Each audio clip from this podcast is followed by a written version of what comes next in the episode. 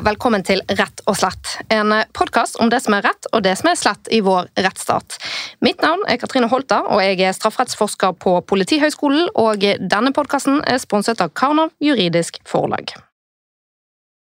For to uker siden så publiserte jeg en episode om hvordan rettssikkerhetsprisvinnerne jobbet for gjenåpning i Baneheia-saken. Eh, og siden vinneren av rettssikkerhetsprisen har vært så tett på arbeidet med å få gjenåpnet en justismordsak, så har de òg en helt unik erfaring. Og i denne andre episoden så er jeg veldig nysgjerrig på hva de mener at vi må gjøre for å unngå nye justismord i fremtiden. Bjørn Olav Jahr, Mikkel Tronsrud og Halvard Sivertsen, det er veldig kjekt å ha dere med i nok en episode. Velkommen tilbake. Tusen takk. takk. Etter eh, Per Liland-saken, som altså er et eh, justismord, eh, for de som ikke husker det, så var myndighetene i Norge fast bestemt på å lage et system som skulle forhindre at noe lignende ville skje igjen. Uskyldig domfelte skulle ikke være avhengig av frivillighet for å få gjenåpne sin straffesak, og man skulle lage et system der domfelte ikke ble motarbeidet på den måten som Per Liland hadde opplevd. Likevel så ser vi mange av de samme trekkene i Baneheia-saken, der eh, gjenåpning neppe ville ha skjedd uten frivilliges iherdige innsats og en uredd frilansjournalist. Hva tror dere er grunnen til at eh, vi ikke har kommet lenger i dag? Nei, altså, det, det, er litt vanskelig å si, uh, men sikkert. Men jeg tenker at hvis man går til Liland-rapporten, altså det var, jo en granskningsrapport der, så tror jeg et eller annet sted nederst i Liland-rapporten så står det noe klokt, og det er at uh, man kan liksom Det er en begrensning da, for, for, hva man kan utrette med rettsregler. man er til slutt avhengig av hvordan reglene praktiseres. Og det som er et hovedproblem, som iallfall jeg så uh, gjennom hele prosessen med arbeidet med Viggo Kristiansen sin sak, det var jo at uh, rettsreglene, altså de reglene som ble bestemt etter Liland-saken, de blir jo ikke fulgt av verken Gjenopptakelseskommisjonen eller påtalemyndigheten eller politiet. Hva mener du med det? Ja, med det, med det så mener jeg altså, Da må man jo gå litt inn i, inn i eh, bakgrunnen for at man f.eks. fikk en gjenopptakelseskommisjon. Eh, og da, Det var jo Liland-saken i hovedtrekk. Og da, og da, laget man jo, da skrev man jo en del om man, hvordan man så for seg at framtiden skulle bli da, med en gjenopptakelseskommisjon. Det, Han ble jo da uriktig dømt for et dobbelt øksemord. Per Liland, ja. ja. Mm. Eh, ja, og, og ble, saken ble jo Han ble vel frikjent i 94 eller noe sånt. Også, ja, etter å ha sonet hele straffen. Ja, og så, ja. og så, kom det en rapport i 96. Eh, og da bestemte man seg for å opprette en gjenopptakelseskommisjon. Altså Før så var det sånn da, at man måtte gå til retten og be retten om å oppheve en uriktig dom. da. Eh, og det var vanskelig, og påtalemyndigheten motarbeida Per Liland. Det så man i veldig stor grad. Politiet og påtalemyndigheten jobbet veldig imot at han skulle få saken sin gjenåpnet. Og da tenker man veldig mye fornuftig, mener jeg, i arbeidet med nye, de nye reglene og den opprettelsen av den nye kommisjonen. Eh, og da sier man bl.a. at påtalemyndigheten må få en mer tilbaketrukket rolle. Tanken er jo at påtalemyndighetens oppgave først og fremst handler om å vurdere skyldspørsmål opp imot eh, altså få noen dømt. Det er når saken kommer, kommer til domstolene at eh, påtalemyndigheten eller det er påtalemyndigheten som trekker den inn til domstolene. og Det er der de i utgangspunktet har en rolle. Men etter at det er kommet en dom, så har ikke i utgangspunktet påtalemyndigheten noen oppgave. Så spørsmålet om eh, en dom må behandles en gang til, for det er jo det gjenopptakelseskommisjonen skal vurdere, ikke om noen er skyldige eller uskyldige, men om saken skal behandles på nytt. Og Da var det mange som tenkte at ja, det bør ikke påtalemyndigheten ha noen særlig rolle i, for da får man dette man problematiserte at det var tilfellet i Lilleland-saken, nemlig at det ble veldig sånn konflikt om bevisene og veldig sånn skyttergravsdiskusjoner i gjenåpningsspørsmålet. Og Derfor så sier Riksadvokaten i sitt, eh, i sitt, høringsutkast så sier Riksadvokaten at han ønsket at påtalemyndigheten ikke skulle ha noen rolle i det hele tatt i gjenåpningssaker. Og eh, departementet, da, som er lovgiver, de, de, da, de skrev da at de skulle få partsrettigheter.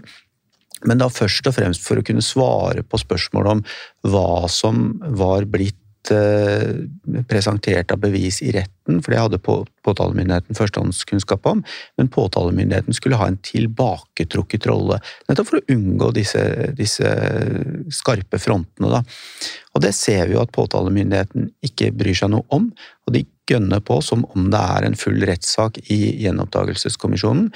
Og Gjenoppdagelseskommisjonen selv gjør heller ingenting for å prøve å dempe det.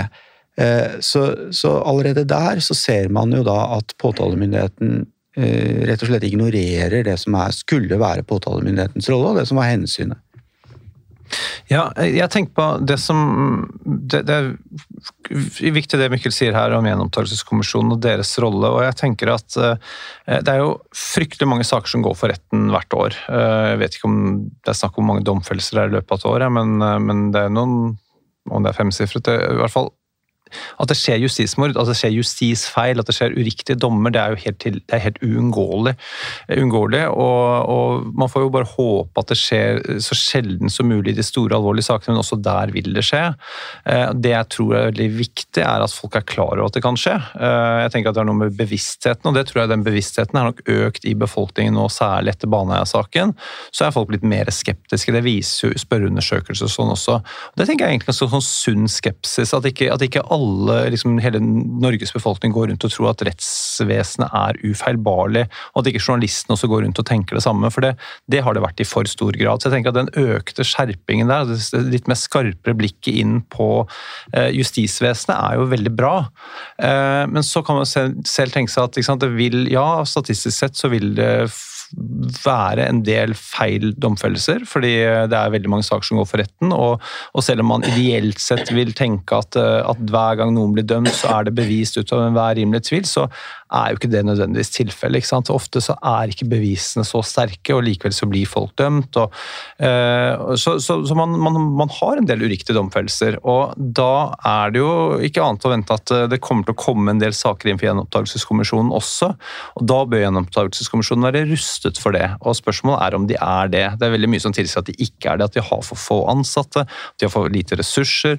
Uh, og, og, kanskje det også så man noe igjen. Altså, det handlet både, vil jeg si, både om en motvilje i Baneheia-saken mot faktisk å etterforske ting. Det kunne de gjort. Den eneste gangen man så Gjenopptakelseskommisjonen i Baneheia-saken gjøre et aktivt etterforskningsskritt, det var da det kom inn et tips som i veldig stor grad skulle tale mot Viggo Kristiansen. Da reagerte de. Da reiste de ned til, til, til Flekkerøy utenfor Kristiansand og foretok avhør og sånne ting. Ellers ekstremt passive. Eh, så, så jeg tenker sånn den, der, den store skillet det er mellom, mellom, hvor mange saker som faktisk som nok er uriktige domfellelser, og de relativt små ressursene Gjenopptakelseskommisjonen har, så, så, er det, så er det et for stort gap der. da. Ja, og Du er inne på dette med ressurser, og det tenker jeg er for Gjenopptakelseskommisjonen helt uh, utrolig um, problematisk. Altså nå er det jo, De har så lite ressurser da, at de har nå vært ute og måtte formidle at de har ikke sjanse til å behandle en sak. altså Det er minimum ett års saksbehandlingstid før de i det hele tatt kan begynne å se på en sak. Mm. Og Nå er det jo advokater som jobber med disse filleristingssakene som må jobbe med disse sakene uten engang vite om de får oppnevning som forsvarer. altså De vet ikke om arbeidet er betalt på forhånd, og må ta, selv ta den risikoen. Det tar et år å få vite om du får bli oppnevnt som forsvarer. Eh, hvis man tar på utgangspunkt i Baneheia-saken, så tror jeg ikke det er snakk om eh, problemer med ressurser hos eh, Gjentakelseskommisjonen. Vi har nok en forestilling om at det som foregår i rettsvesenet, og det som foregår i forbindelse med gjentakelsessaker, er rasjonelle prosesser. Hm. Vi går ut fra at det finnes prinsipper som alle seg, forholder seg til, og at man ser nøkternt på saken, men i virkeligheten, Baneheia-saken er jo en sak som rystet hele nasjonen. Det er så forferdelig, det som har skjedd. Og eh, altså da Viggo Kristiansen ble dømt i to rettsinstanser, som hele Norge var jo overbevist om at de hadde funnet den, den skyldige. Ok, Kommisjonen sitter jo og skal gjøre helt objektive og uavhengige vurderinger av hva som har skjedd i rettsvesenet. Men jeg er helt sikker på at i Baneheia-saken, så samtlige medlemmer i kommisjonen, da de fikk denne, den, de denne gjentakelsesbegjæringen fra Klomsæt i 2008 det var altså spesielt at akkurat denne saken ble krevd gjen, gjen, gjenopptatt fordi den, eh, han som var dømt, hevdet at han var helt uskyldig. Han hadde ingenting med saken Han hadde ikke vært på åstedet. Han ville ha saken gjentatt fordi han var uskyldig. Jeg er sikker på at alle medlemmene av kommisjonen leste gjennom denne begjæringen med en gang den kom, og alle sammen har sagt til seg selv at dette skal ikke skje på vår vakt. Mm. Jeg er helt sikker på at de har vært så preget av den, av den oppfatningen at denne mannen er korrekt dømt. Eh, og, og, og vi, kan under, vi, kan ikke ta ansvar for å slippe denne mannen løs på samfunnet igjen, altså rett og slett. Så de vært, jeg vil tro det, at det er bare mennesker, de som sitter der. Ja, Det er veldig interessant det du sier. for det er klart sånn I 2008, da den første begjæringen kommer inn, som da senere blir jo utvidet og først blir behandlet, endelig behandlet ferdig i juni 2010, så er jo Viggo Kristiansen Norges mest forhatte mann. Altså Dette er jo før Anders Behring Breivik, og det er sånn Viggo Kristiansen han er forhatt. Eh, så det var en svært upopulær sak. Eh, den første begjæringen er jo god nok. Eh, den burde definitivt vært gjenopptatt på bakgrunn av det. Blant annet fordi man helt åpenbart klarte å få frem dette at det premisset om at det måtte være to gjerningsmenn, at det ikke ikke finnes. Men likevel, avslag ble det. Og, og jeg husker jo, når man ser tilbake og leser, eh, leser mottagelsen da den første begjæringen fikk, også hvordan, hvordan VG bl.a. på kommentatorplass skriver grusomt og grenseløst er overskriften. Eh, altså Det er grusomt at Viggo Kristiansen ville ha gjenopptatt sin sak, og det er grenseløst å ville gjøre det. Altså Det er så totalslakt av både mannen som sitter inne og mannen som prøver å få ham ut, eh, at det, det savner nesten sidestykket. Så det er klart sånn, så, så, kommisjonen har på en måte liksom folket, og de har mediene i ryggen på å på en måte holde ham inne. Og dette med å ikke slippe ham ut på sin vakt, det var liksom jeg skal ikke si morsomt, men, men, litt spesielt. For jeg var på en fest like etter at jeg utgitt min første bok, og da sier verten da sier han liksom han tar meg i hånda, og så ser han meg liksom litt sånn hardt inn i øya, og så er han liksom ikke helt fornøyd med at jeg er der, har jeg inntrykk av. Og så sier han sånn Er du klar over hva slags menneske du jobber for å slippe ut? Um, og det, er jo ikke noe sånn god start på festen, uh, men, uh, men, det går seg jo til, da. Men, men likevel, det, er, det har vært altså, det, det, har vært en ekstrem motstand mot det. Altså, han har vært, og det, det, ligger så mye følelser bak. og det Jeg tenker på som, jeg bruker ofte som et eksempel, er at um, hva om det hadde vært to menn fra rusmiljøet som var funnet drept oppe i Baneheia, og man arresterer to jevngamle kamerater og Det viser seg ganske raskt at den ene kameraten han har mobiltrafikk som tilsier at han ikke var på åstedet mens ugjerningene fant sted, og han sier at han er uskyldig. Ville han da blitt fortsatt være arrestert? Ville de tatt ut tiltale? Ville han bli dømt? Jeg tror det var Svaret på det er nei, nei, nei. For Det handler om disse to små jentene som blir drept, og det er så forferdelig, og det er det jo. Eh, men én urett forsvarer jo ikke en ny urett. Mm, det oppstår denne form for unntakstilstand i ja. pressen som uh, Kjersti Torbjørnsrud uh, snakket om i episoden som uh, publiserte om pressens rolle i dette.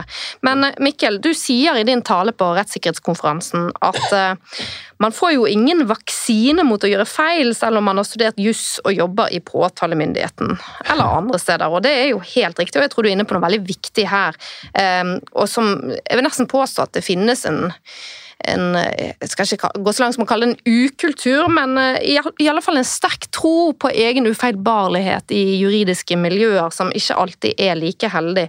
Eh, en slags yrkesmessig arroganse, kanskje, som stikker seg langt tilbake i tid. Eh, kan du si noe om hvilke erfaringer du har gjort som bakgrunn for denne kommentaren eller denne delen av talen din på rettssikkerhetskonferansen? Ja, det er jo en, først og fremst en erkjennelse av det jeg mener er ganske åpenbart. At det er altså, alle, eh, retts, eh, alle deler av rettspleien eh, er jo besatt av mennesker. Det er jo mennesker som jobber overalt. I politiet, i påtalemyndighetene, i domstolene og i gjenopptakelseskommisjonen. Og som fageksperter også.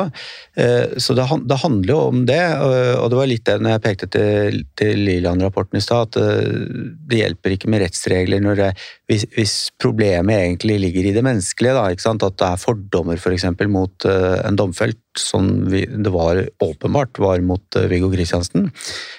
Så har vi en tendens til å se vekk fra reglene og ikke forholde oss så mye til det, men, men heller da la følelsene ta overhånd. Så, men det handler jo om det. altså Mitt poeng i, i den talen i rettssikkerhets, til rettssikkerhetskonferansen, det, det, var jo det at vi har en tendens i Norge til å si at eh, ja, vi har så fantastisk og godt uh, rettsvesen, og vi har en så god rettssikkerhet i Norge. Og så sammenligner vi det oss ofte da med si, størrelser som jeg tenker at uh, det er veldig lite naturlig for oss å sammenligne det med, for å si, vise da hvor god, hvor god rettssikkerheten er. Jeg hørte eller leste et eller annet sted for ikke så lenge siden at det er omtrent 6,5-7% av jordens befolkning som lever i demokrati. Altså, ja, det er klart at eh, det sier jo litt om, om hvilke tilstander store deler av verden lever under. Og hvis vi da sammenligner rettsvesenet vårt med rettsvesenet i land som ikke lever i demokrati, så er det klart at vi kommer veldig godt ut. Men det betyr jo ikke at vi objektivt sett har kjempegod retts rettssikkerhet.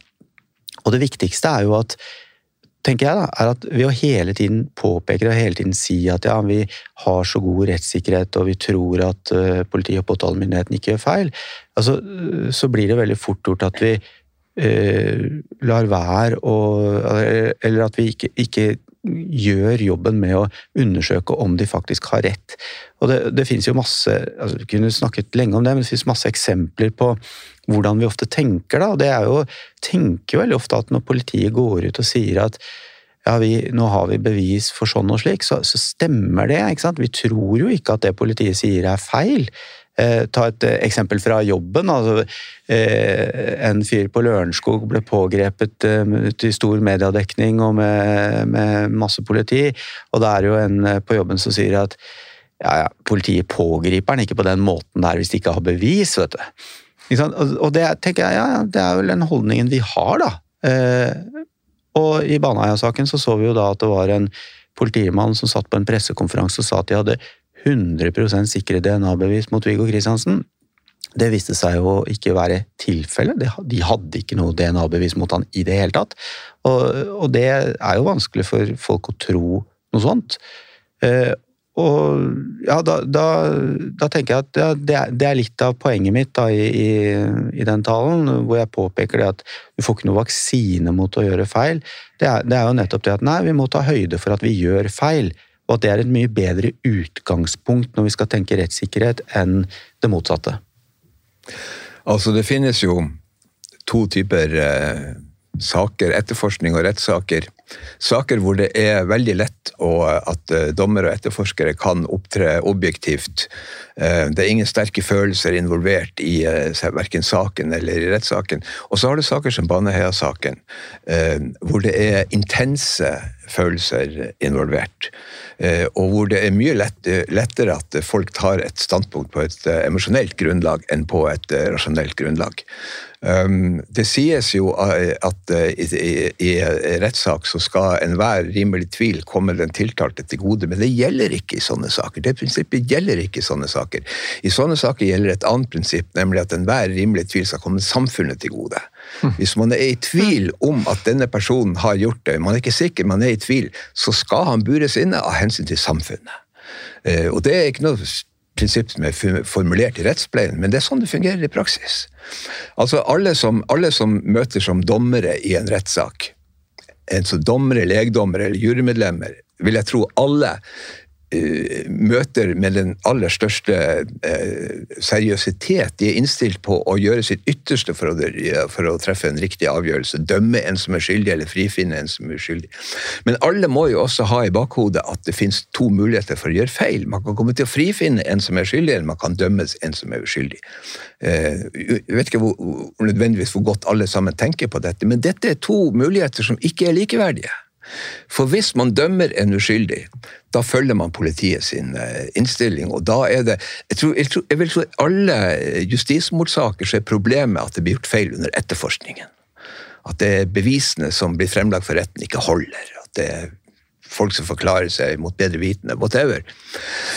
Men hvis dommerne tar det ansvaret å frifinne en, en, en person eh, som allikevel er skyldig, da er det de som tar det hele og fulle ansvaret for å slippe en sånn person ut i samfunnet igjen.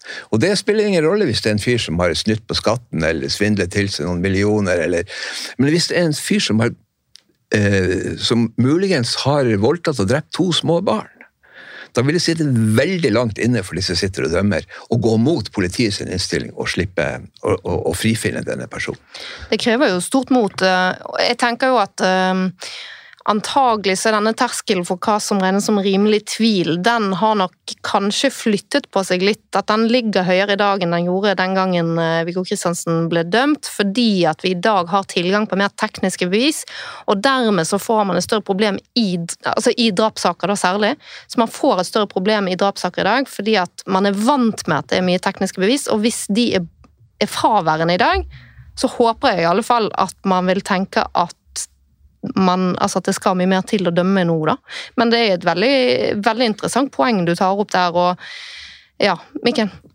Ja, og, og, hvis du skal bruke Baneheia-saken som utgangspunkt, da, eh, så, så, er det jo faktisk omvendt. Altså, det var jo sånn at eh, rimelig tvil på ingen måte kom Viggo Kristiansen til gode. Altså, hvis, hvis, man klarer å distansere seg og se på den saken med objektive øyne, altså, som, som Halvard har vært inne på, du har, en, du har en forklaring fra en eh, tiltalt, og så stemmer ikke det overhodet med tekniske bevis, altså teledataene til den andre tiltalte, som da peker klart i retning av at Eh, forklaringen eh, ikke stemmer. Samtidig så peker de samme teledataene klart i retning av at eh, forklaringen til Viggo Kristiansen stemmer. Det er helt forenlig med Viggo Kristiansens forklaring, helt uforenlig med Jan Helge Andersens forklaring. Det er rimelig tvil som skulle kommet Viggo Kristiansen til gode. Det blir ikke engang drøftet. Men det man gjør, er at man snur det på hodet, og så sier man at ja, hvis det kan være en, en form for oppkonstruert og teoretisk tvil, som kan eh, tilsi at, de, at, det er noe feil med de teledataene. Man vet ikke helt hva det skulle være, men hvis, er, hvis, hvis, vi kan se for oss den muligheten, ja, så kan vi dømme likevel. Det er det de faktisk gjorde. Og så vet man jo at hvis man ser liksom på reglene for hvordan uh, domstolene skal forholde seg til beviskrav, så, så, er det jo sånn at oppkonstruert og teoretisk tvil skal jo ikke behandles av retten i det hele tatt. Men det blir gjort her, altså motsatt da, av det sånne skal være. Så eh, Nei, så, så, og da er man hele tiden tilbake til dette, dette, denne menneskelige faktoren. Som det er kanskje vanskelig å gardere seg helt og fullt mot. Og, og, nettopp derfor så tenker jeg at det er viktig at vi da sier det. At nei, vi kan ikke Vi har ikke en så fantastisk rettssak, rettsstat. Vi har en rettsstat som hele tiden kan og må forbedres. Og så må vi lete etter de mulighetene til å forbedre rettsstaten og forbedre rettssikkerheten. Og så må vi ha et system i bakkant som kan løse de sakene hvor, man, eh, hvor det er en risiko for at vi likevel har begått feil. Det har jo vært sånn i litteraturen, da, en sånn strafferettslitteratur, så har man gjerne skrevet sånn at det er bedre at 99 eh, uskyldige går fri enn at én Nei, det er bedre at 99 eh, skyldige går fri enn at én uskyldig blir dømt. Og så har det liksom endret seg litt over tiden, da, så ble det plutselig at det, det er bedre at eh, ni skyldige går fri enn at én uskyldig blir dømt. Og så var det en venn av meg som er forsvarer som sa at nå var det siste han hadde hørt, var at det var bedre at én skyldig går fri enn at én uskyldig blir dømt. Så ja. Eh, Halvard?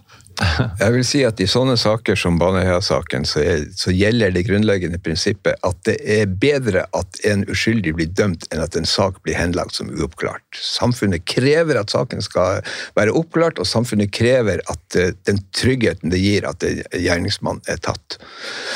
Så um, hvis, Dommen i Baneheia-saken, dommen i tingretten, som jo er den begrunnede dommen, uh, der der uttrykkes det ikke på noe tidspunkt noen som helst tvil om Viggo Kristiansens skyld. Altså, eh, Dommen følger helt og holdt 100 eh, Jan Helge Andersen sin forklaring.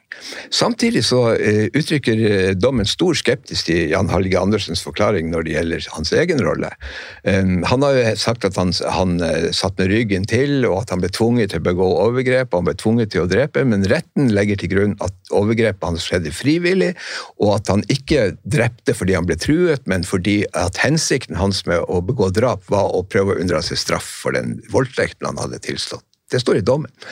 Tre ganger i den dommen så uttrykker eh, dommen at den stiller seg tvilende til om Jan Helge Andersen forklarer seg eh, sant på, på, på, tre forskjellige punkter. Og i alle tre tilfellene så konkluderer dommen med at her må tvilen komme den tiltalte til gode. Mm. Så, så, så, dommen i byretten legger til grunn at all tvil i saken skal komme Jan Helge Andersen til gode. Ingen tvil skal komme Viggo Kristiansen til gode. Og det, og, det, og, det, og det, er jo ikke rasjonelt. Det er jo åpenbart at her er det emosjonelle forhold som spiller inn. Man er så sikker på at denne fyren er selveste hovedskurken i saken, og, og man ser bort fra enhver tvil. Eh, Halvard C. Hansen hadde skrevet skrev en rekke kommentarer. Han fulgte i, journalist i Dagbladet. Skrev en rekke kommentarer til, eh, til Baneheia-saken da den for byretten. Og han skrev om mobilbeviset det inn, da det kom inn, at det skapte mer uklarhet enn det skapte klarhet. Og han skriver at sånn som saken sto, så kunne ikke engang Jesus Kristus fått Viggo Kristiansen frifunnet. Og det er antagelig en, en, en riktig observasjon. Ja, Han skrev faktisk også at eh, det kom på et psykologisk ja. for sent tidspunkt. Ja. Eh, som andre ord, de skulle dømme. Eh, det er interessant det du sier om dette med at man må ha en gjerningsmann. altså De store, alvorlige sakene med et enormt press, så, så, så, krever man svar. Eh, og eh, det som er så veldig rart da, eh, med Baneheia-saken, er at det kunne jo blitt en veldig vellykket etterforskning når alt kom til alt. Fordi de fant jo et kjønnshår fra Jan Helge Andersen. Jan Helge Andersen hadde vært observert oppe i Baneheia dagkvelden i forveien. Oppført seg veldig mistenkelig. Flere som la merke til det, flere som tipset politiet om det. Eh, politiet var veldig sikre selv. altså Kripos hadde laget en rapport, de var veldig sikre på at det var én gjerningsmann. Eh, så alt lå til rette til at Men arrester han de har funnet kjønnshåret på, da. og og begynne å gå i avhør med han. Men så hadde de også en fiks idé altså hele veien, at det skulle være at dersom Jan Helge Andersen var på en måte den skyldige, så måtte det være to. For han var en sånn tafatt, puslete type. Så derfor måtte de lage seg et narrativ om at Viggo var denne store, sterke anføreren og sånne ting. Så i Baneheia-saken så, så, bryter det veldig mot dette her at man, at man må ha et svar, at man må ha en gjerningsmann. For det, man hadde jo en gjerningsmann, men man måtte på en eller annen grunn ha en til. Det holdt ikke med én, eh, og det er veldig rart. For det sammenligner man med Birgitte Tengs-saken, så ser man jo den der, den der voldsomme viljen etter å ha en gjerningsmann. Det bør ikke være gjerningsmannen, men det må være en man kan si er gjerningsmann. Så da de arresterte fetteren til, Viggo, fetteren til Birgitte Tengs, så, så ut, sa jo politiet at i denne saken må vi være ekstra sikre for vi har med et nært familiemedlem å gjøre. Og sånne ting. Og der kommer liksom tvilen politiet til gode hele veien. ikke sant? Dommeren som skulle fengsle fetteren, han var i tvil fordi det var veldig tynt det politiet la frem, men han lot tvilen komme politiet til gode. Og så gikk ikke det hele veien. Eh, men i Baneheia så, så, så, er det jo så er det en er det faktisk nest, altså, Om ikke en gåte, så er det i hvert fall veldig verdt å merke seg at, eh, at man hadde faktisk en vellykket etterforskning for hånden. Man hadde funnet teknisk spor mot Jan Helge Andersen, men så måtte man også arrestere kompisen hans. Mm. Og, og, og, jo, og, da følger bare mediene på. ikke sant? Altså Dagen etter så er det stort oppslag i VG hvor det står 'tatt', og så er det bilde av Viggo og Jan Helge. ikke sant? Så Viggo Kristiansen han er jo fronta på forsiden av VG allerede dagen etter arrestasjonen. Og bare så det er sagt òg, så er jo det viktig for rettssikkerheten til de fornærmede etterlatte, alle oss andre, da, at store, alvorlige straffesaker faktisk blir oppklart. ikke sant? Så veldig mye ligger jo da i disse kritiske første uh, etterforskningsteamene og hvordan politiet håndterer etterforskningen. Uh, men, uh, men, så er det jo hvordan det da eventuelt forplanter seg inn i retten. Og når det gjelder Baneheia-saken, så er jo det viktig da å nevne dette med, med sakkyndighet. Eh, og Det er jo også noe som du Mikkel, tar opp i talen din sant? når du peker på, på rettssikkerhetskonferansen når du peker på hva vi bør endre. Eh, en av de tingene du tar opp og er opptatt av, er at vi må ha bedre kontradiksjon rundt sakkyndige uttalelser. For hva er det som skjer med sakkyndighet i Baneheia-saken? Ja, øh, altså det, det, er jo du kan godt si at uh, hvis man også ser på flere saker enn Baneheia-saken For det, det, jeg er litt redd for, da, det er jo at man skal uh, kategorisere Baneheia-saken som en sånn helt spesielt, og at alt ved den er helt unikt. Og så blir det liksom en sånn unntaket som bekrefter reglene om at vi har kjempegod rettssikkerhet, og at eh, justismord ikke forekommer. Eh, men eh, det som har skjedd i flere rettssikkerhet, eller justismord, da også internasjonalt, det er jo nettopp at det er strid om sakkyndige. altså Det er rett og slett fagpersoner da, som i prinsippet får en eller annen uskyldig person dømt. Og, det, og, og ofte så ser man jo da at gjerne typisk tegn er at det kommer inn noen eh, fagpersoner som har funnet opp et eller annet nytt dumt og lurt. ikke sant? Altså Det er ny teknologi, det er ny metode, det er et eller annet. Eh, og, og, det er ingen flagg som, eh, som, reises. Hver gang du hører det, det er en ny og gjerne revolusjonerende metode. Da burde jo alle flagg eh, reises hvis man bare ser på forskning og hvordan forskning vanligvis foregår. For da sier jo alle forskere at, at dette er så nytt, så da må vi få mer forskning før vi kan si noe sikkert. I rettsvesenet så sier de ofte at det er nye metoder det er, det er, gull. Nå kan vi endelig få tatt disse skurkene. Eh, og det som skjer i Baneheia-saken, det er jo at man får, som Bjørn Olav var inne på her, eh, DNA-bevis mot uh, Jan Helge Andersen. Og det er jo et, kall et litt mer tradisjonelt DNA-bevis. DNA-bevis er forskjellige ting, det er ikke én ting. Og så er det noen som da har begynt å forske på en ny type DNA-bevis bevis. Eh, veldig kort fortalt, eh, skal prøve å ikke gjøre det teknisk, eh, men veldig kort fortalt så er det sånn at man kan isolere kjønnsmarkøren, eller kjønnskromosomet, fordi at vi menn vi har en X og en Y, mens kvinner da har to X-er. Og hvis man da får isolert den Y-en, så vet man at ja, det man har der, det er fra en mann. Og hvis det er et kvinnelig offer, som jo veldig ofte er tilfellet i eh, draps- og overgrepssaker, og så får man en Y der, så vet man at det kommer ikke fra offeret selv. Det kommer ikke fra eh, ja, fra den Det kom ikke fra Lena og Stine Sofie når man fant en Y. Og så begynte man da å analysere den Y-en, og da kunne man få fram eh, DNA fra det. Og så kunne man matche det da mot eventuelle mistenkte. Eh, og, og, det var helt nytt den gangen, i 2000. Så det hadde man veldig lite erfaring med. Men det ble da, eh, det ble da sendt prøver til Spania, som eh, jobbet med det. Og de fikk da fram noen Ikke profiler, sånn vi er kjent med i dag, men noen utslag da fra enkelte DNA-markører, for å bruke et litt enkelt uttrykk på det. Og så ble det brukt som bevis i retten for at det hadde vært to gjerningsmenn. Og det var da uh, så nytt at hun som vitnet om det fra Rettsmedisinsk institutt i Norge, hun hadde selv ikke utført sånne analyser selv. Det var ikke noe Rettsmedisinsk institutt i Norge drev med den gangen. Så, så nytt var det.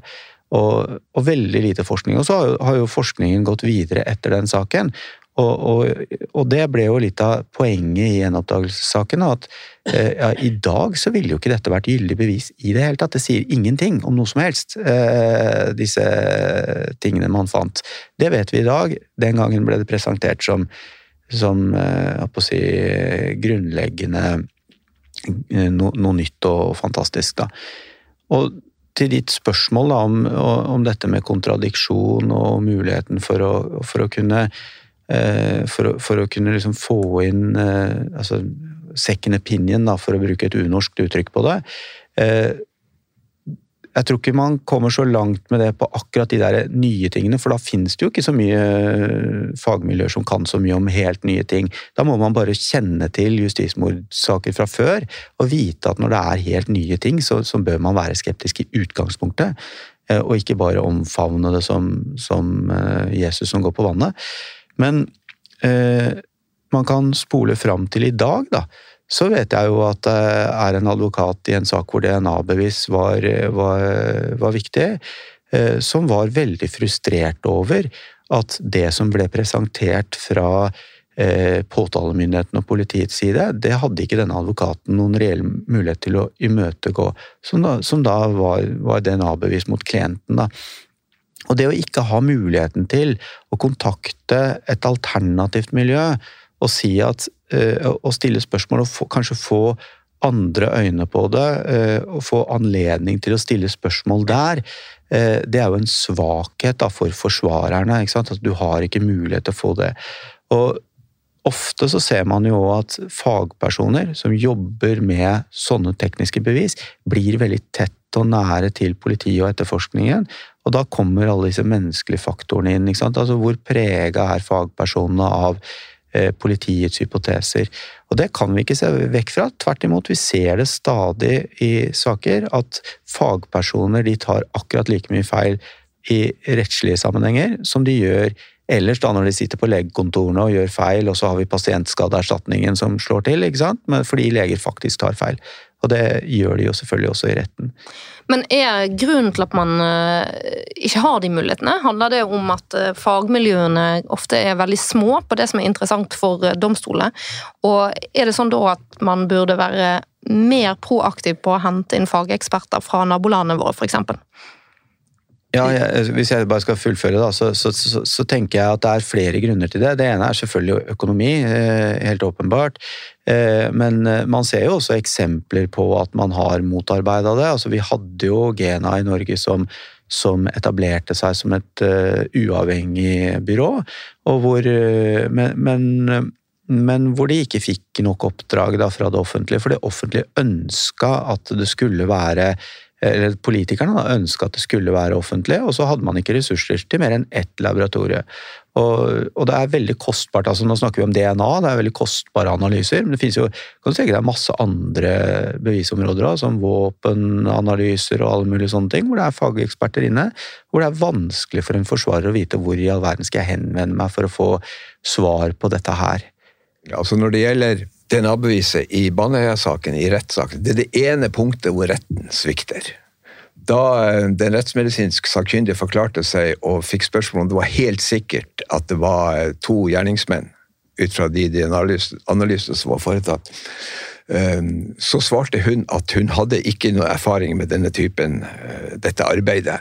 Men hun hadde så stor tillit til de spanske forskerne som hadde utført dette arbeidet. De mente at det var sikkert at det hadde vært to gjerningsmenn.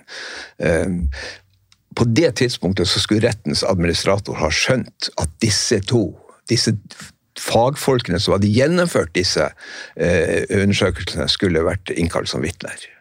Og da, det ville punktert hele DNA-beviset, mm. rett og slett. Mm.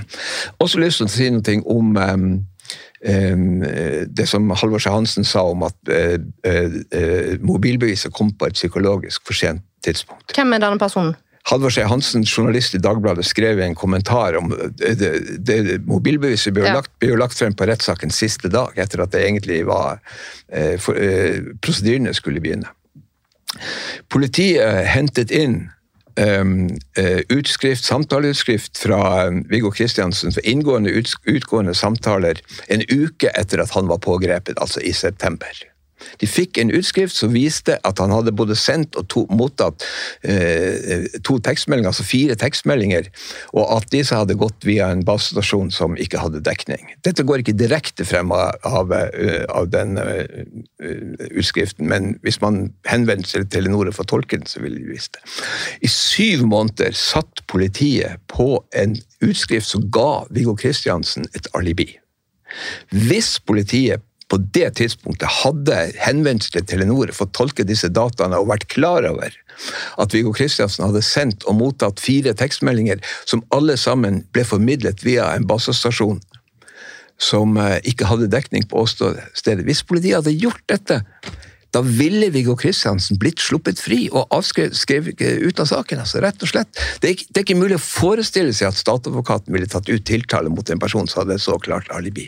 Det er så tragisk at hele denne saken kunne vært oppklart allerede i september 2000 hvis ikke politiet hadde lagt denne rapporten i en skuff og hatt den liggende der i syv måneder. Mm. Så, men, men altså Og du etterlyser jo på rettssikkerhetskonferansen in, mer innsyn for nerder i straffesaksdokumenter? Ja, eh, altså I Sverige så er alle straffesaksdokumenter offentlige. Alle. Eller det er vel sikkert noen som er unntatt. Men prinsippet er at alle at straffesaksdokumentene er offentlige. Hvem som helst kan få utlevert. Og jeg kan ikke se noen grunn til at det ikke skal være sånn i Norge. Eh, det systemet vi har i dag, at det er statsadvokaten som sitter på straffesaksdokumentene og avgjør hvorvidt eh, noen som søker, kan få innsyn i dem, eller deler av dem, det tror jeg er et helt forfeilet system. Etter mitt syn så bør prinsippet være at alle straffesaksdokumenter i prinsippet er offentlige. Punkt én. Prinsippet skal de være offentlige. Punkt to, det må være retten som forvalter disse dokumentene. Statsadvokaten må gjerne lagre dem og ha den den delen av ansvaret. Men når det gjelder hvem som skal ha innsyn, så bør det være retten som bestemmer det, og ikke, og ikke statsadvokaten. Det snakker jeg om det ut fra de erfaringene vi har med statsadvokaten i Agder, som tilsier at det bør definitivt være det. Og så er det selvfølgelig sånn at det ikke er alle sånne dokumenter som, eh, som bør være, bli offentlige. Det er akkurat som i en, rettssak. en rettssak er offentlig.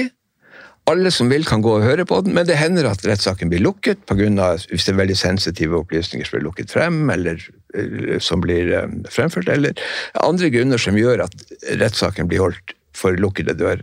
Og Sånn bør det være med saksdokumentene også. Det finnes mange saksdokumenter som er av en sånn art at de ikke bør være offentlige. I Dania-saken f.eks. obduksjonsrapportene, bildene som er tatt på åstedet av barna, bilder som er tatt i forbindelse med obduksjonen osv. Altså, men retten altså Saksdokumentene bør være tilgjengelig for allmennheten, og retten bestemmer da hvilke saksdokumenter som ikke skal være det. Det finnes veldig mange gode grunner for at enkelte saksdokumenter skal holdes uten, men det bør det være retten som Altså, mobilbevis Hadde disse dokumentene vært tilgjengelig Jeg kunne skrevet en rapport i, allerede i 2002 om mobilbevis. Da forelå det jo to rapporter fra Telenor og Teleplan. Um, jeg har et nummer av Teknisk Ukeblad som jeg tok vare på fordi det omhandlet mobilbevis. Men de hadde, Teknisk Ukeblad hadde ikke annen informasjon om det som ble lagt frem i retten. ikke sant? Mm. Så, um... ja, Det der med innsyn i straffesaksdokumenter er jo et stort og ganske komplekst spørsmål. og Jeg tror domstolene har lite lyst til å ta på seg den oppgaven i tillegg, med de stramme budsjettene som de må mm. operere under i dag. Eh, og så er det det der at det er faktisk politiet sine dokumenter. Det, det, er litt annerledes enn med sykejournal. Sånn sykejournalen som man har rett til innsyn i som mm. pasient, det er, liksom, det er dine dokumenter. Mm. Mens straffesaksdokumentene er politiet sine dokumenter.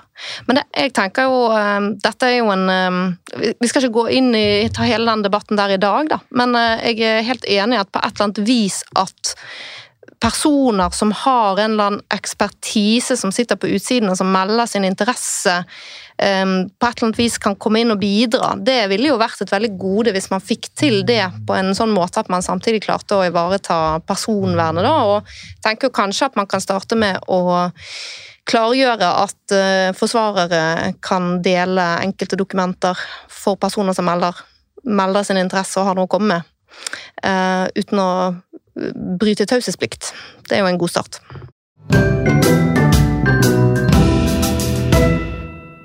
Nå måtte Halvard nettopp eh, gå av gårde her eh, for å rekke et fly, men jeg har fortsatt med meg eh, Bjørn Olav og Mikkel her i studio. Og du Bjørn Olav, kan du hva tenker du at er viktig å endre i rettssystemet for å unngå nye justisfeil? Oi, det er jo det som er veldig positivt, er jo at det er satt ned en granskningskommisjon for å se på hele Baneheia-saken. Eh, for å se hva som har gått galt. Så jeg tenker at de vil jo komme med, med forhåpentligvis mange gode svar der, da. Eh, jeg tenker at det er, det er viktig å se på hvordan gjenopptakelseskommisjonen fungerer. Eh, altså om den på en måte er riktig skrudd sammen. Eh, jeg er veldig tilhenger av å ha en gjenopptakelseskommisjon. Eh, jeg tenker at de må ha mer ressurser, og at Og så tenker jeg at det er, vel, det er kanskje det jeg umiddelbart kommer på, ja. Og dette med gjenopptakelseskommisjon, der vet jeg at du Mikkel, har, du har annet skrevet et brev til noen stortingspolitikere der du går gjennom en del interessante ting som du tenker bør eh, gjøres endringer på i forbindelse med gjenopptakelseskommisjonen. Vil du si noe om disse endringene, konkrete endringene som du ser for deg? Ja, bare, bare si det. at det Brevet jeg skrev var jo for å få til en granskning av kommisjonen, eh, som jo nå Det ble jo da tatt til følge etter hvert og, og levert inn eh, til Stortinget som et forslag også, som ble vedtatt. Så nå har vi jo heldigvis den granskningen. Og, og, du kan si, det er jo, Jeg mener det er flere ting da, som, som uh, må gjøres. Altså, for det første så mener jeg man bør se på hele forsvarerordningen igjen. Uh, dette med at kommisjonen skal utrede på domfeltes vegne, det, uh, og at man ikke skal trenge en forsvarer, det viser seg at det holder ikke i praksis. Så må man se på påtalemyndighetens rolle, fordi at det, det er Eh, viser seg jo at påtalemyndigheten eh, kanskje nå gjør akkurat det samme som man ønsket å gå bort fra i Lilland-saken. Eh, så det kan man med fordel se på på nytt. Men så tenker jeg at når man ut fra erfaringen med kommisjonen, i hvert fall sånn vi har opplevd det, så er det Jeg syns det fungerer veldig dårlig at man har eh, at kommisjonen har mange hatter samtidig. altså At de skal utrede sakene, så har de et sekretariat som utreder sakene. Så skal det samme sekretariatet snu seg rundt og levere en anbefaling til kommisjonen. Og så kommer jo da kommisjonens medlemmer inn og leser den anbefalingen, og det er stort sett den anbefalingen de leser. I realiteten så blir det jo da veldig mye makt hos noen få personer. Og hvis de da har bestemt seg for at denne saken eh, ønsker de ikke å gjenåpne, ja, så blir jo det veldig ofte resultatet. Og jeg tenker som så at det er naturlig å dele det opp. Eh, jeg tenker at man bør få Man må gjerne ha et offentlig utrednings... Eh, en utredningsetat som utreder saker for personer som mener seg uskyldig dømt. Men jeg tenker at det bør ikke være til hinder for at uh, også andre kan utrede sakene. Som Tore Sandberg er et veldig konkret eksempel på en privat etterforsker da, som har utredet mange saker og fått mange saker gjenåpnet også.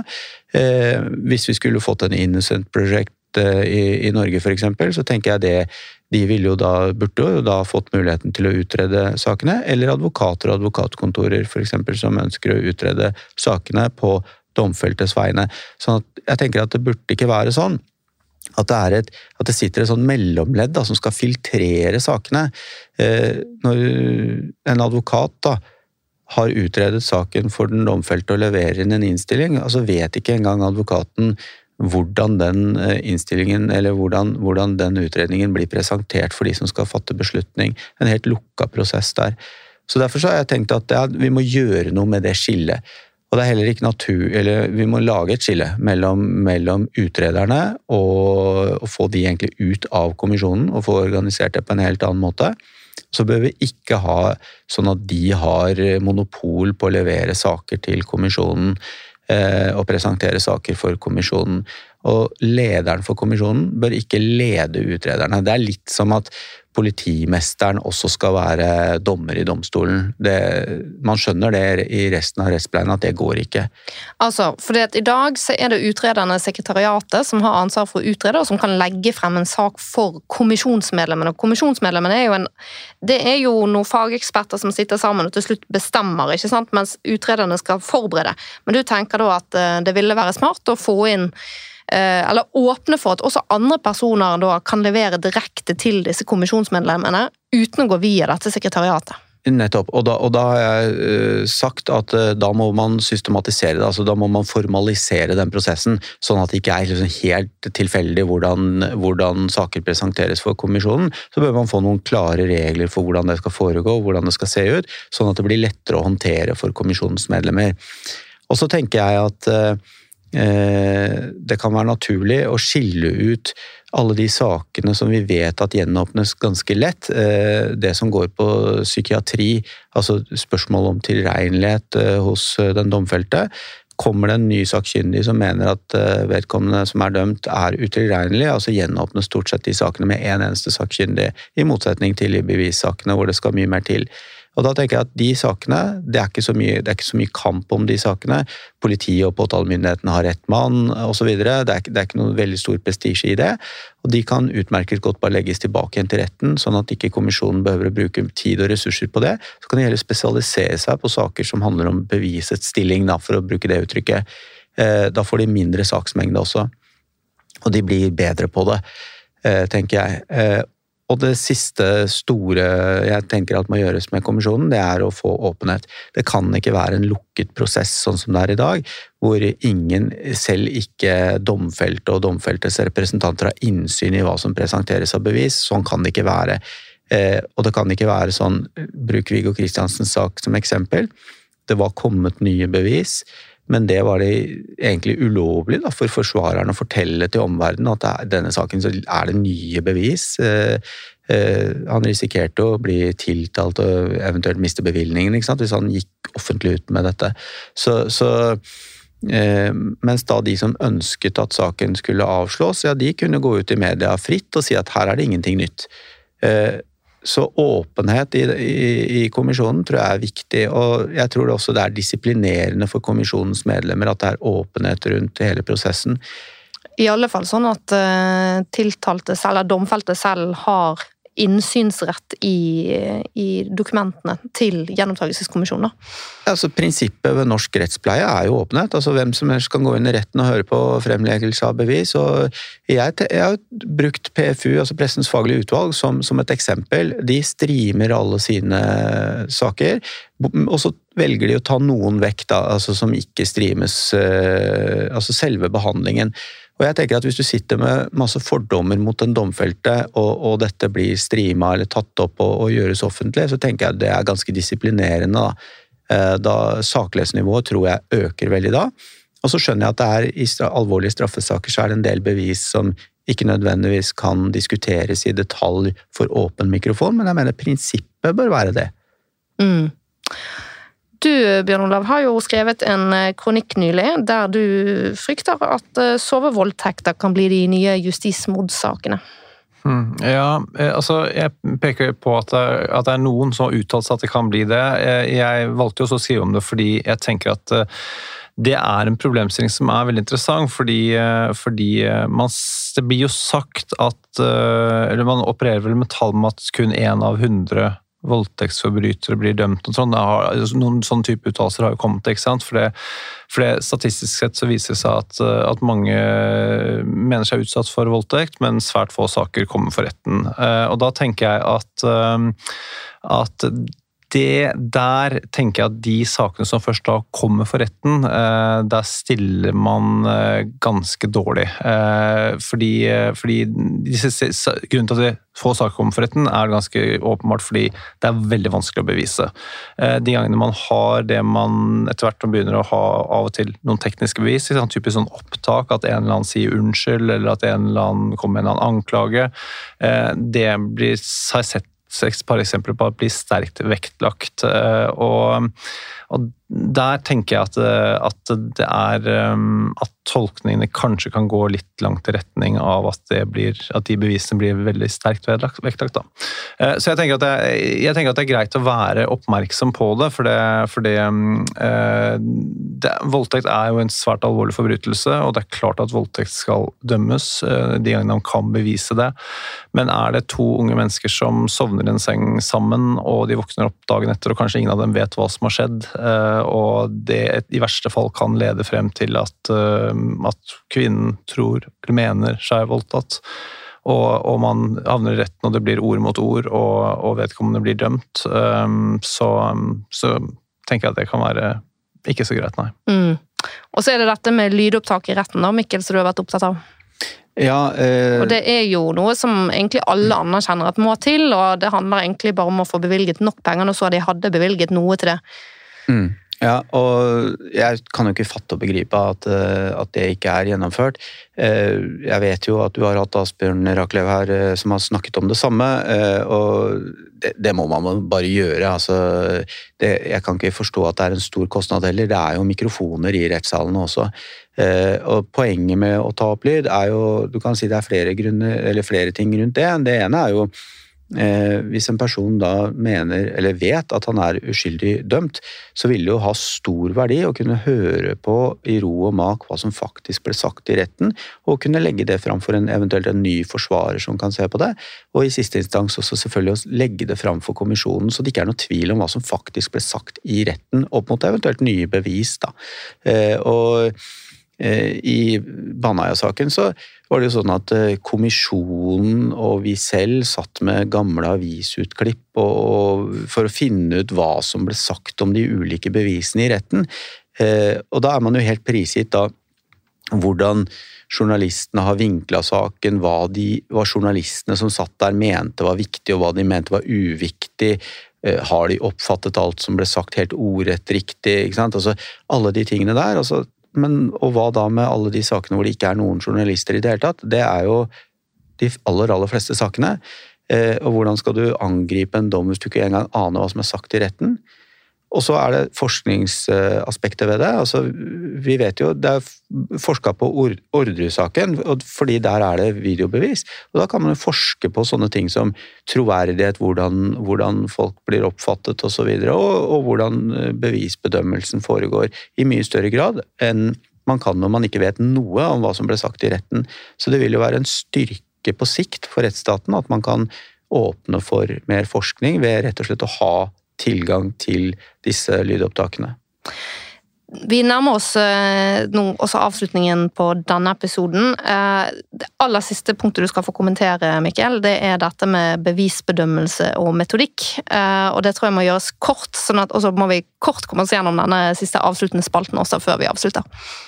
Ja, det handler jo om at vi i dag har en fri bevisbedømmelse, hvor, eh, hvor det ikke finnes noen metoder for hvordan man skal gå fram for å vurdere ulike bevis. Vi har masse kunnskap om forskjellige typer bevis, men hvordan blir den kunnskapen brukt? Blir den brukt i det hele tatt? Er det sånn at eh, en dommer som eh, sitter i Oslo og bedømmer bevisene likt som en dommer i Bergen. Altså, det å i det hele tatt kunne redegjøre ordentlig for hvordan bevisene er, er, vurdert, og ha en metodikk for hvordan det skal foregå. Det mener jeg det er selvfølge. Mm. Bjørn Olav, vil du fremheve noe du synes er rett eller slett i vår rettsstat? Ja, og i og med at det var snakk om å gjøre det litt sånn kort her, så velger jeg å slå det sammen eh, i, i, samme svaret. Eh, og da sier jeg at det som er rett, som er kjempebra, det er at det er satt ned en kommisjon for å granske hva som har skjedd i Baneheia. Det er supert. Slikt bør gjøres oftere. For jeg etterlyser også det samme i Birgitte Tengs-saken. For der også har det skjedd veldig mye galt. Eh, og det ser ikke ut til å være noen signaler om at det der blir gjort noe granskning. Det må til. For jeg tror De to sakene til sammen vil kunne gi oss enormt mange læringspunkter som vil gjøre at man kan snakke om mer som er rett og mindre som er slett ved neste anledning. Men tror du ikke at eh, mange av altså myndighetspersoner tenker det at eh, blant annet ditt arbeid har bidratt til å belyse så mye av det som gikk galt i Tenk-saken, at det ikke er nødvendig med en sånn gransking? Ja, Det er veldig smigrende i så fall, men det, det, tror jeg ikke noe på. Eh, nei, det, det, det er veldig mange lerreter å bleke der, altså, så, så, det er bare å stå på. Upløyd bark. Veldig. Ok, Vil du eh, legge til noe på hva du synes er rett eller slett? Nei, Nå har jeg jo kritisert eh, mye, så, men da kan jeg jo eh, føye til noe jeg syns er rett. Da, og Det er jo politiets arbeid med avhørsmetoder og, å motvirke bekreftelsesfeller. Det syns jeg er veldig bra at politiet har gjort. Så håper jeg at det også kan smitte over på andre bevisområder. Tusen takk til Mikkel Tronsrud, Halvard Sivertsen og Bjørn Olav Jahr som var med her i studio i dag. Og takk til deg som har hørt på helt til veis ende. Dette er siste episode av Rett og slett for dette semesteret. Jeg er tilbake med en ny episode i midten av januar. Men før jeg avslutter helt, så synes jeg det er passende å lese opp juryens begrunnelse for å gi rettssikkerhetsprisen til de tre mennene som har vært med meg i denne og i forrige episode av Rett og slett, og den kommer nå.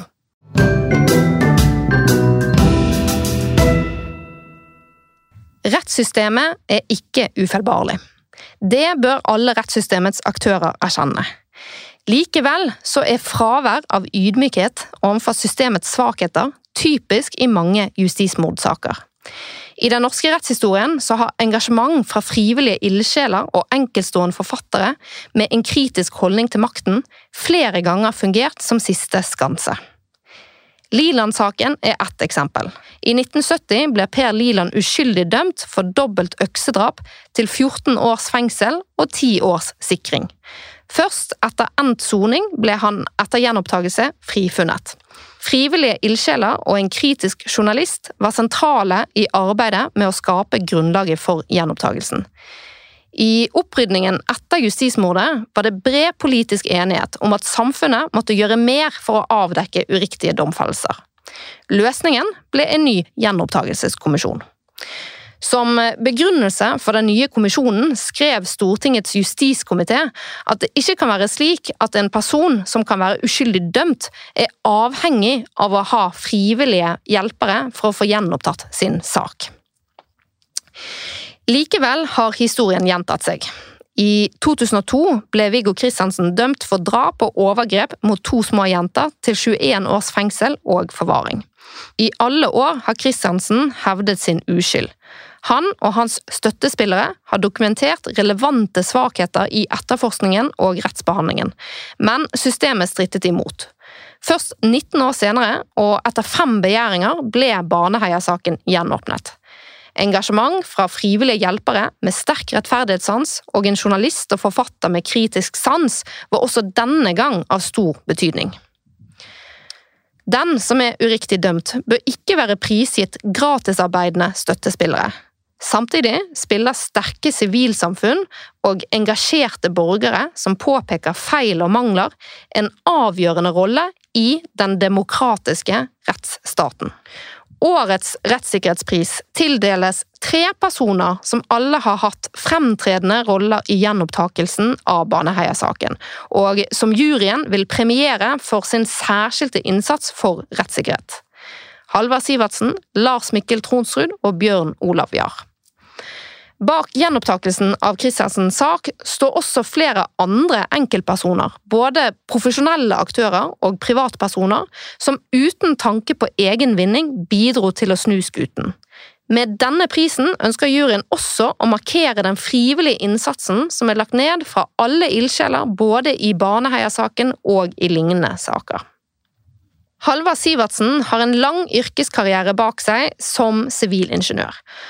Han har engasjert seg i Christiansens sak fra pensjonisttilværelsen.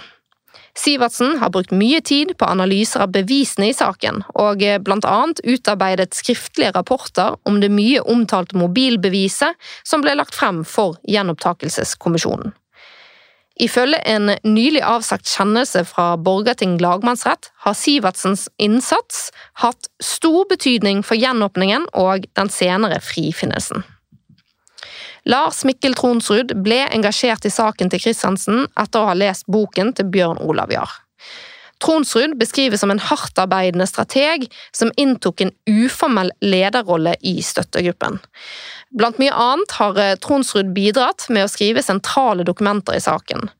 Av eh, den nevnte kjennelsen fremgår det at også Tronsruds innsats er høyt verdsatt av Viggo Kristiansen selv. Juryen er imponert over de svært aktive rollene som både Sivertsen og Tronsrud har inntatt for å fremme rett og hindre urett i arbeidet for gjenopptakelse av Christiansens sak. De har begge på en uselvisk og uegennyttig måte ofret flere tusentalls timer av egen fritid for å rydde opp i feil som rettssystemet skulle tatt ansvaret for.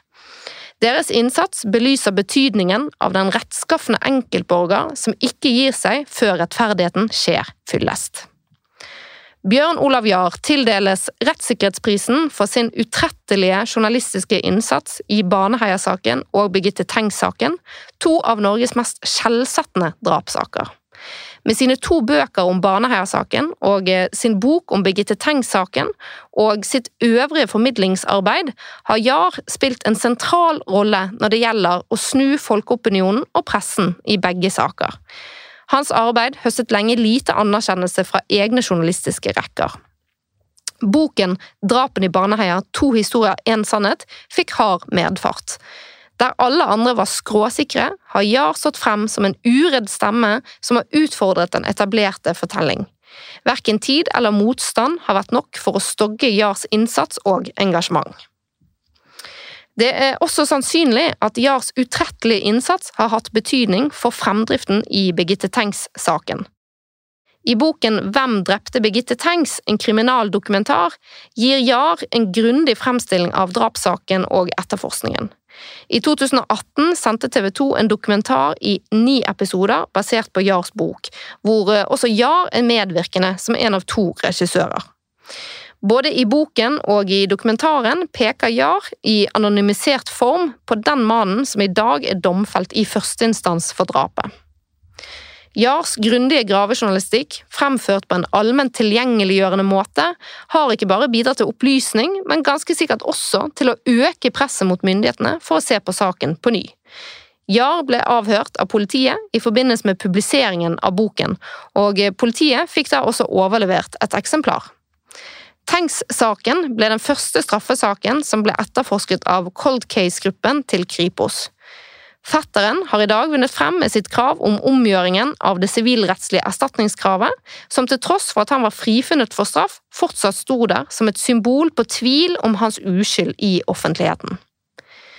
Juryen mener at Jars arbeid er et eksempel på en kompromissløs, sannhetssøkende gravejournalistikk som gjør rettssystemet bedre og tryggere, noe han har måttet gjøre på frilansbasis fordi et slikt stykke arbeid over så mange år neppe er noe som etablerte redaksjoner ville ha satt av ressurser til. Årets tre prisvinnere er eksempler til etterfølgelse, og det gleder juryen å kunne tildele dem prisen. Samtidig antar vi at de alle tre er mer opptatt av at vårt rettssamfunn lærer av de feil som deres arbeid har avdekket, slik at vi reduserer risikoen for at tilsvarende feil skjer igjen.